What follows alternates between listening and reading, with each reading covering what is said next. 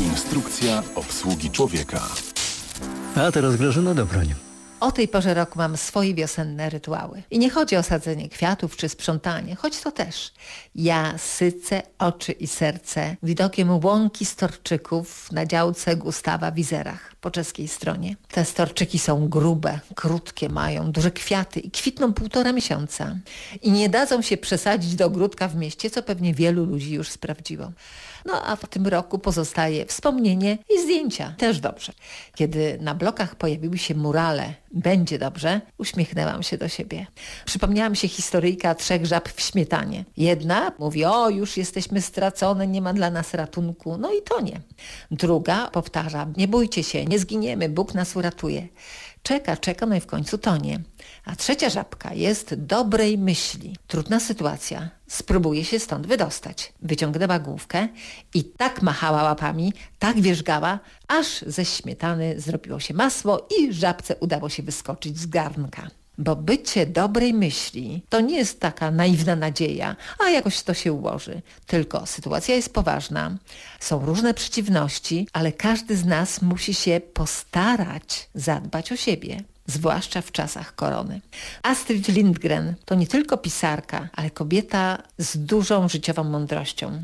Z książki mego dzieciństwa Dzieci z Bullerbyn pamiętam taką scenę. Latem na wiejskiej drodze przejechał wóz, który wzbudził tuman kurzu. Dzieci kaszlały, kikały i narzekały, a w końcu jedno zauważyło, a kto postanowił, że ma się lubić taką drogę i takie zabawy, gdy tylko świeci słońce, a nie lubić jak się kurzy, ponieważ dzieci, jak to dzieci, nie lubią zakazów postanawiają, że będą lubić właśnie gdy się kurzy. Dorośli nie kryją zdumienia. Dzieci odkryły starą prawdę, że samopoczucie zależy nie tylko od okoliczności, ile od nastawienia, od naszej oceny tego, co się dzieje. Z ręką na sercu. Czy nie doświadczamy czegoś podobnego właśnie teraz? Dlatego jeśli już mam siedzieć w domu, to mówiłam Państwu o świętej kwarantannie, o wykorzystaniu tego czasu pod kluczem z pożytkiem dla siebie czy dla rodziny. Wreszcie mam czas na książkę, na bliskość, na poznanie potrzeb mojego dziecka, na rozmowy, na filmy, gry, śmiech.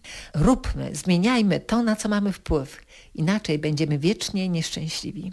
Również stres zależy od naszego nastawienia, od naszej oceny stresującej sytuacji.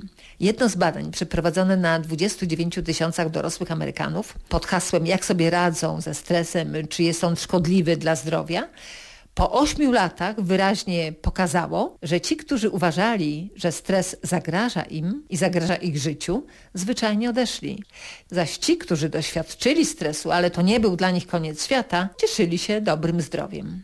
Wiele badań psychologicznych pokazało, że nastawienie ma ogromny wpływ nie tylko na codzienny nastrój, ale też na określone procesy biologiczne zachodzące w ciele. Zatem, jak przekształcić tę rezygnację, frustrację w pozytywną energię dającą wiarę w siebie?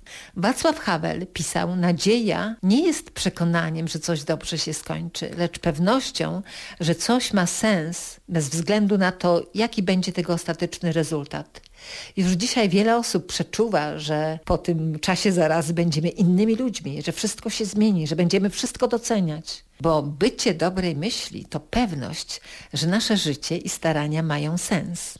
Pamiętają Państwo człowieka z Indii, który przez 8 lat sadził rośliny codziennie i powstał las. Zresztą takich było kilku. Człowieka, który zbudował cudowny artystyczny kompleks podziemny. Oni to zrobili dzięki sile wewnętrznego nastawienia. A jak jesteśmy dobrej myśli, to więcej nam się chce, nasze wyobrażenia łatwiej się sprawdzają. No a co zrobić w ostrych przypadkach braku nadziei?